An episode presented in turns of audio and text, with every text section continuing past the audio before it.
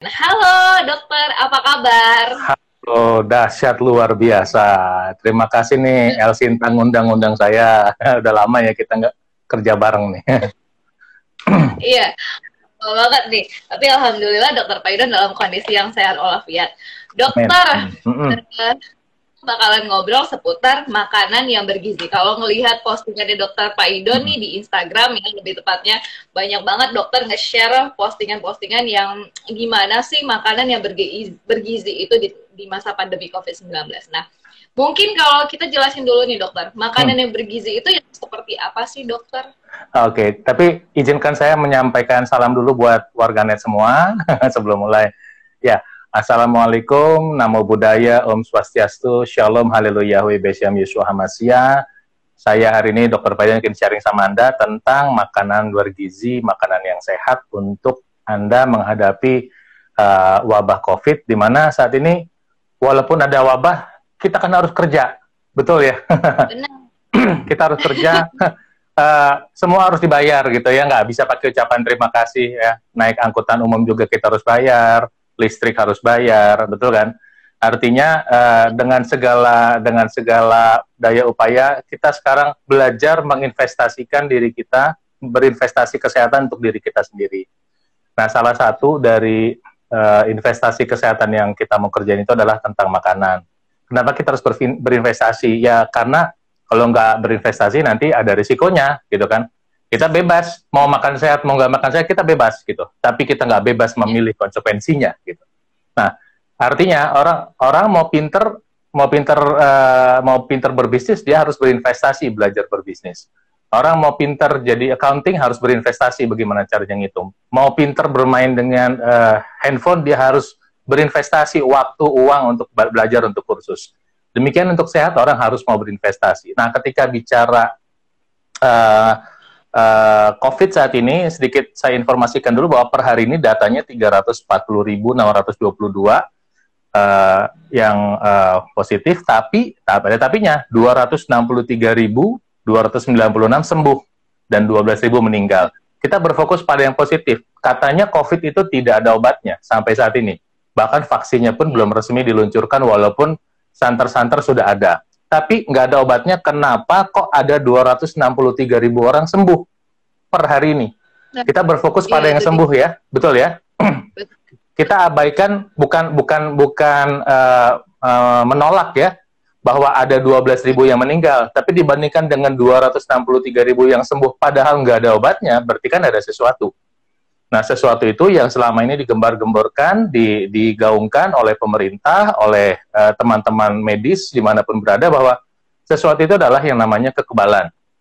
Nah, ketika kita berbicara kekebalan, itu nggak jauh-jauh dari urusan makanan. Nah, ketika bicara urusan makanan, uh, sebetulnya makanan itu adalah bagian dari pola hidup sehat. Supaya runut ya, saya mau ngasih lihat dulu supaya runut. Hidup sehat itu dasarnya ada lima. Makan sehat, olahraga, istirahat cukup, pikiran sehat, aktivitas sehat. Saya ulangi, makan sehat, olahraga, istirahat cukup, pikiran sehat, dan aktivitas sehat. Jadi, ya. kalau orang mau hidup sehat cuma makannya doang, nggak mau olahraga, ya susah. Istirahatnya nggak cukup, uh, eh, cukup. Lagi lagi pandemi gini, uh, main handphone terus sampai jam 2 pagi itu kan berarti istirahatnya terjadi kurang. nah, jadi uh, semuanya harus uh, balance. Nah, ketika bicara makan sehat, uh, yang dimaksud adalah kalau bisa nutrisinya itu atau gizi. Kalau kita bilang gizi artinya uh, zat gizi itu nutrisi atau nutrien ya. Nutrien. Jadi nutrien itu karbohidrat, lemak, protein, vitamin, mineral, air. Kalau bicara gizi itu itu komponennya. Nah, bedakan dengan bahan pangan. Nah, kalau bahan pangan itu nanti misalnya mau cari sumber karbohidrat seperti uh, nasi merah, kemudian ubi, kemudian kingkong, maksud saya singkong gitu ya uh, kacang hijau. Biar nggak terlalu tegang dulu ya. Kacang hijau gitu ya, ya. itu itu uh, apa namanya uh, kata kuncinya bahan pangan bedakan bahan pangan dengan nutrisi. Nah sekarang ketika bicara uh, hubungan makanan dengan kekebalan nah ada kata kuncinya nih. Pertama adalah kurangnya nutrisi untuk kekebalan jadi ada kurang nutrisi untuk kekebalan. Kedua, tidak optimalnya penyerapan. Nah, ketiga, tidak optimalnya delivery atau pengiriman. Jadi, keywordnya adalah tadi pertama, nutrisinya kurang, kedua, tidak optimalnya penyerapan, ketiga, deliverynya kurang. Jadi, uh, kata kuncinya ada di situ. Nah, kemudian yang penting juga kita perhatikan adalah, ternyata selama ini ketika berbicara nutrisi, itu uh, uh, berbicara gizi itu, uh, ilmunya banyak, tapi uh, yang praktis dan langsung pakainya itu kurang ya yang praktis dan langsung pakainya itu kurang. Jadi sering kali orang e, merasa sudah mengkonsumsi makan sehat, tapi ternyata sebetulnya nggak optimal. Nah, jadi saya mau langsung kasih keyword kata kunci bahwa yang disebut dengan makan sehat itu adalah pertama makan buah tiga kali sehari, ya. Kedua karbohidratnya pilih yang sehat. Makan buah tiga kali sehari, makanan pokoknya itu buah-buahan. Manusia harusnya begitu. Oke, okay. baru tuh ya, baru tahu ya. iya, makanan pokok itu buah-buahan, makanan pokok manusia. Kan uh, buah tiga yeah. kali sehari, karbohidrat yang sehat, makanya nggak digoreng tapi enak, lemak sehat, air putih cukup. Ya ulang ya, makan buah, makan itu, buah, makan buah tiga kali sehari. Tapi enak itu contohnya apa dok? Ah, gini. Ayam itu ada yang jadi ayam goreng tepung, ada yang jadi soto ayam. Soto ayam enak nggak? Enak dok, segar. Okay. Tapi kan lebih sehat, bukan berarti paling sehat, tapi lebih sehat ketimbang ayam goreng tepung. Oh, gitu ya? Oh ya, ya. Kenapa? Kenapa demikian? Ketika kita makan ayam goreng tepung, itu otomatis, otomatis apa yang terjadi? Uh, darah kita menjadi lebih kental. Saya pakai bahasa awam ya, darah kita menjadi lebih kental. Kalau darah kita lebih kental, artinya apa? Delivery nutrisi yang sehat itu kurang. Itu satu.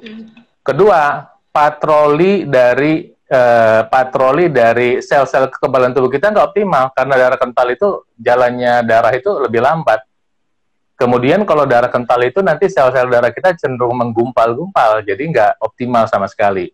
Nah itu sebabnya saya bilang makan enak tapi yang nggak digoreng. Jadi makan enak ada yang digoreng, ada yang nggak digoreng, gitu.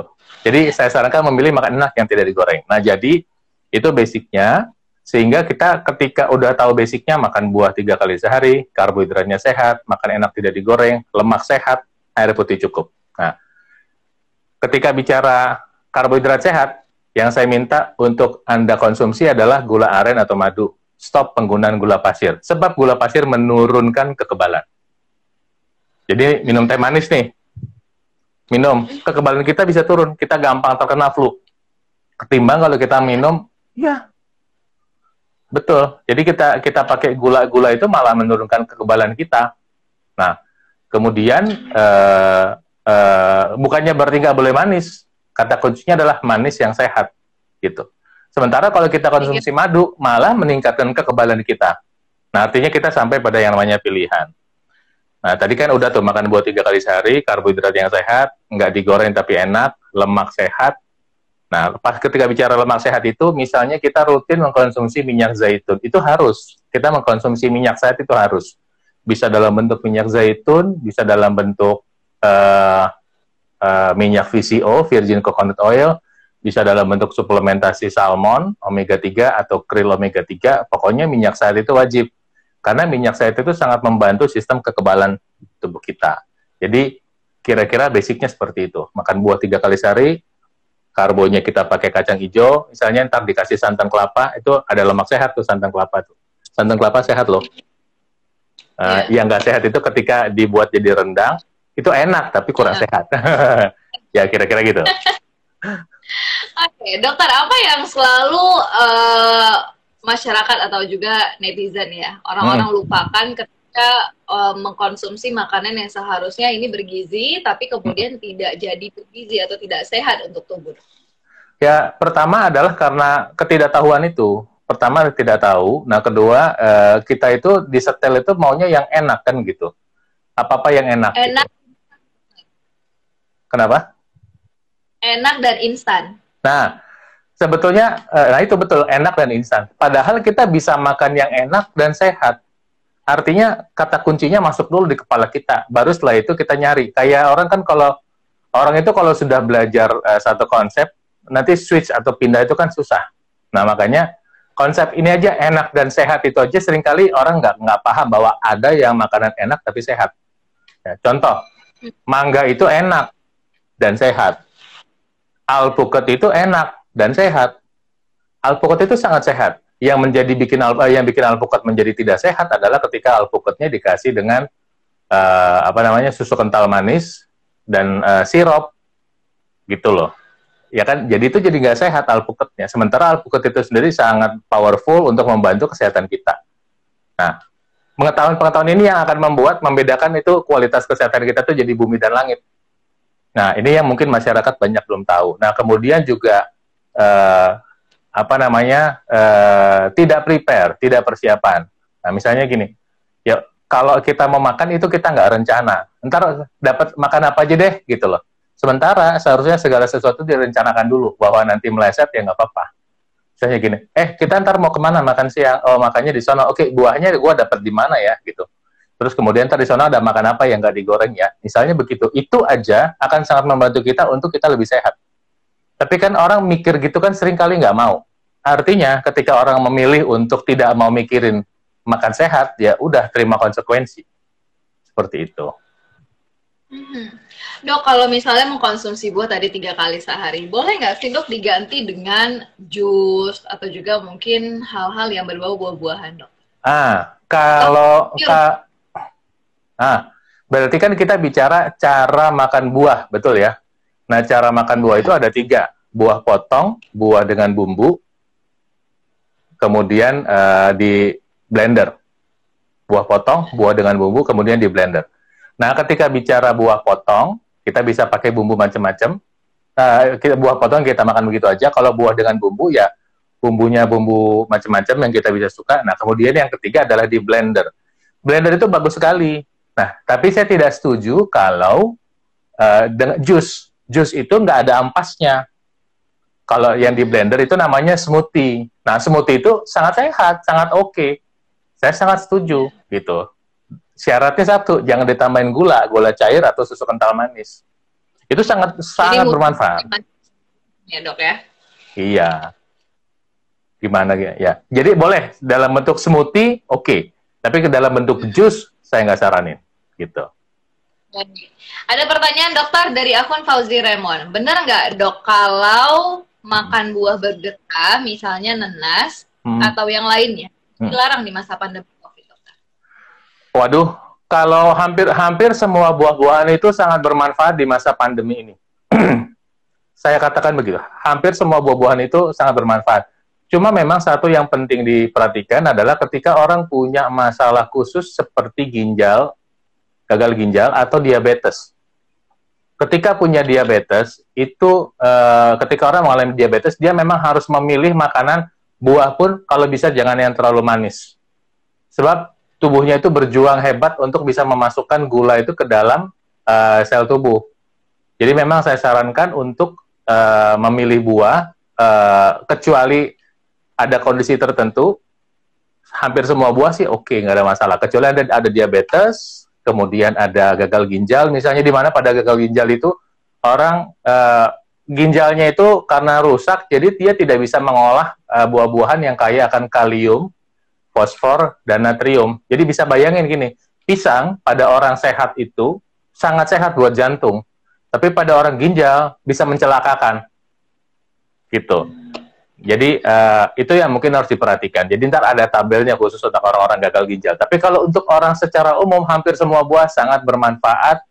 Uh, apa namanya sangat bermanfaat di masa pandemi seperti ini. Saya sarankan jadi makanan pokok. Jadi kalau pesan uh, apa namanya ojek online pesannya pesan buah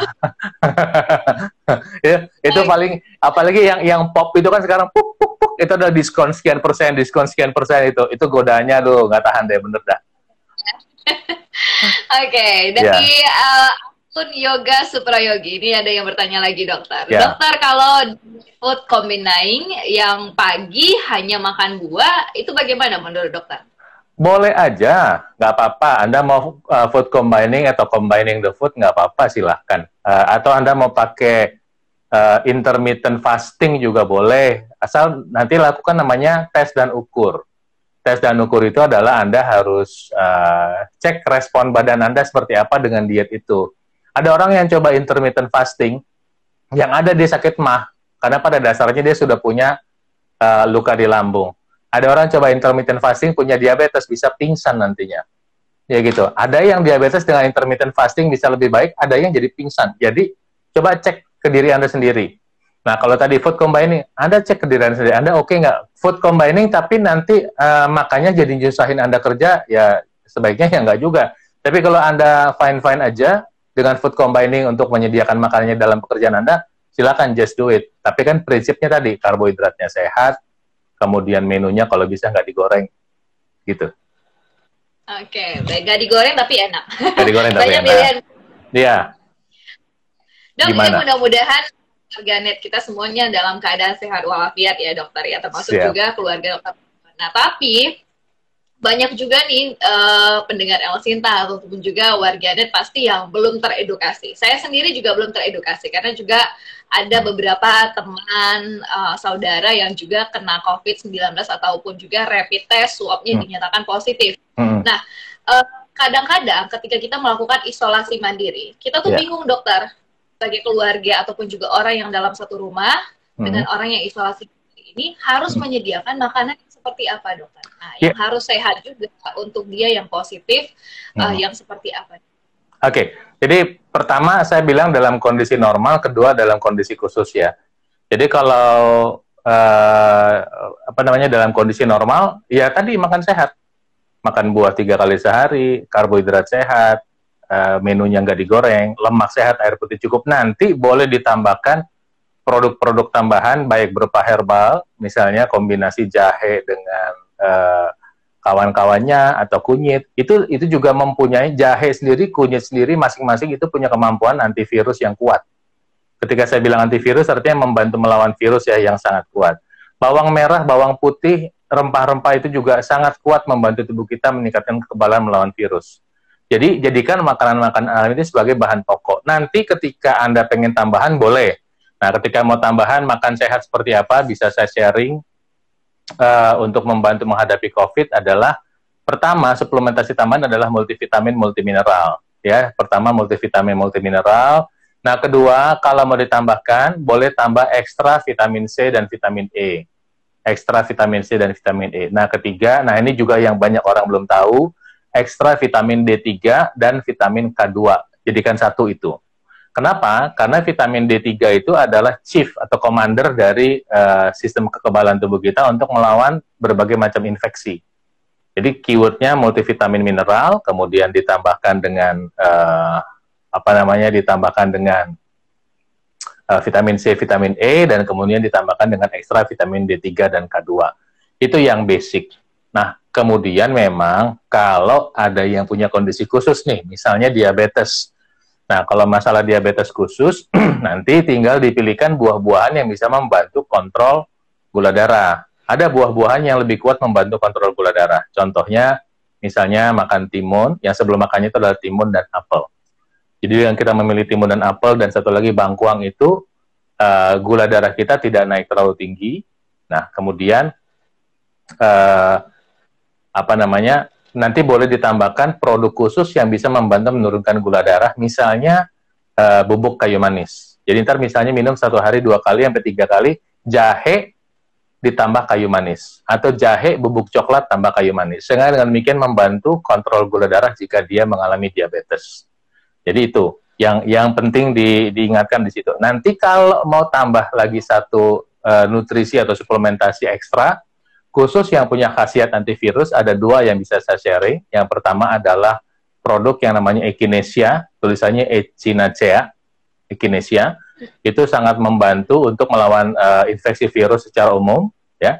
Kedua adalah uh, konsumsi minyak sehat, khususnya minyak zaitun atau virgin coconut oil. Minyak zaitun atau virgin coconut oil. Ini sangat membantu untuk menghadapi uh, meningkatkan kekebalan tubuh kita menghadapi virus seperti itu. Jadi ini yang bisa saya saran. Jadi, nah yang mengkonsumsi ini apa? Satu keluarga. Satu keluarga, hmm. bukan hanya yang sakit. Betul. Jadi, nah, hmm. ya, silakan dok, bisa dilanjutin. Nah, jadi misalnya ada satu orang, misalnya keluarganya yang uh, tanpa gejala, tapi rapidnya positif, ya, misalnya. Ya satu keluarga konsumsi produk kesehatan tuh supaya semuanya kebal sama-sama satu rumah, gitu. Sehingga nggak jadi nggak usah terlalu takut karena banyak kejadian. Ya, saya juga pernah beberapa kali ketemu uh, si istri uh, apa namanya terkena COVID di swab positif, suaminya di swab dua kali nggak apa-apa, kan bingung saya juga dengar cerita itu. Ada yang kayak begitu. Kok bisa? Berarti sistem kekebalan tubuh si bapak maksimal sekali, bagus sekali kan begitu. Orang satu tempat tidur bisa nggak apa-apa, kok bisa begitu? Nah, kemudian juga kan kita udah dengar banyak cerita, banyak orang baik-baik saja tubuhnya padahal swabnya positif, gitu. Kok bisa? Berarti kekebalan tubuhnya sangat baik. Itu makanya di awal tadi uh, saya saya tekankan bahwa ada yang harus kita lakukan untuk proteksi, iya jelas, yaitu uh, seperti yang disarankan pemerintah bahwa kita tutup hidung, kita cuci tangan, gitu ya, uh, jaga jarak, itu harus, ya, jangan istilahnya jangan jajal jimat, gitu, jangan belagu, gitu ya, oh gue nggak apa-apa nih, gue jago, gitu. Ntar kalau kena, oh, udah udah deh, apes itu. Jadi, gitu. uh, ya, jangan, saya bisa, jangan jajal jimat, selalu ikuti pemerintah tuh tentu maksudnya baik ya. Kayak emangnya hmm. ngapain pemerintah kurang kerjaan kayak gitu? Enggak lah, enggak sama sekali Nah, kedua adalah kekebalan itu adalah upaya kita mandiri untuk meningkatkan kekebalan. Nah, secara umum makan sehat, kedua suplementasi gitu. Tadi udah saya sharing. Oke. Okay, nah.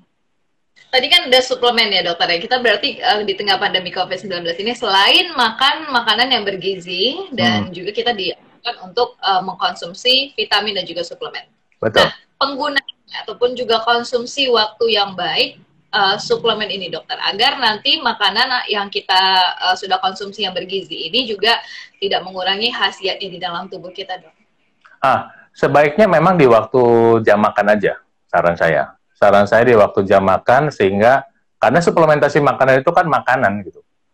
Secara umum seperti itu. Apalagi multivitamin kita makan habis makan ya kita makan multivitamin itu saran saya sih multivitaminnya natural ya, bukan yang sintetis ya. Multivitamin yang natural bukan yang sintetis karena itu akan lebih uh, lebih mudah diserap dan mengurangi beban kerja pada ginjal kita. Kalau sintetis itu memang pada beberapa orang ginjalnya itu nggak terlalu kuat, ya. Jadi itu saran saya untuk uh, uh, mengkonsumsi multi apa uh, suplementasi. Ingat basicnya multivitamin.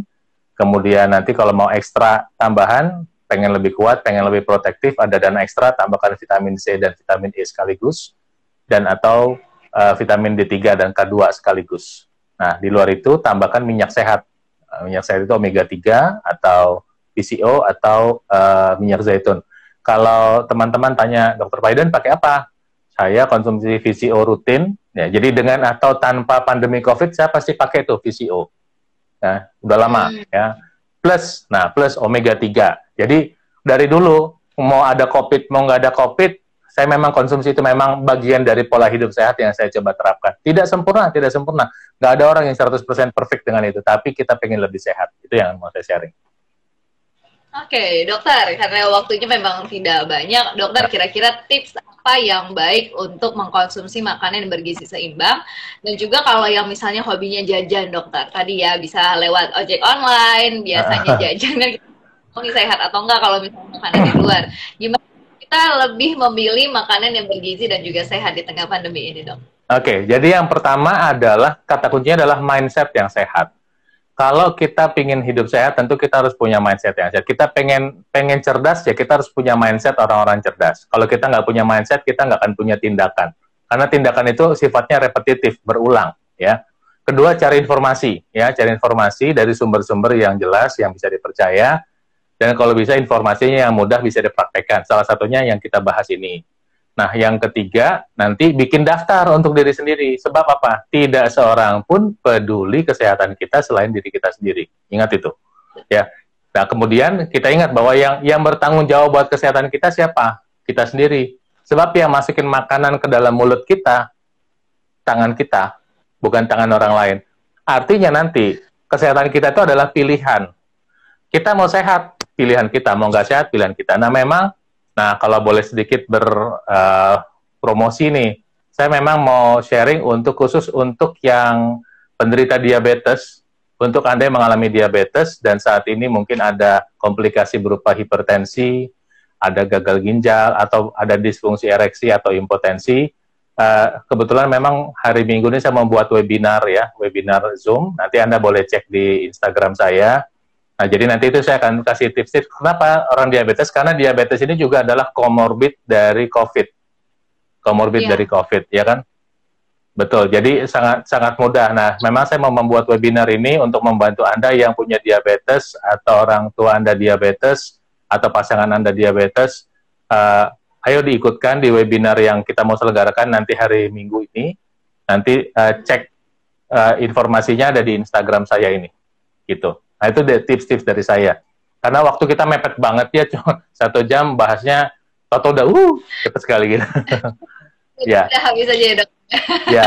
Oke, lagi kita ngobrol lebih panjang lagi dengan Dokter Paidon dan tentunya kalau Anda yang ingin bertanya langsung nih warganet bisa langsung juga kunjungi Instagramnya Dokter Paidon boleh ya dokter ya boleh boleh ya. tanya-tanya aja ya Oke, dokter terima kasih banyak. Mudah-mudahan di sore hari ini apa yang kita bahas dalam Instok apa kata mereka bermanfaat dan juga mengedukasi masyarakat. Terima kasih, salam sehat selalu, salam dokter sehat. Paidon. Ya, thank you.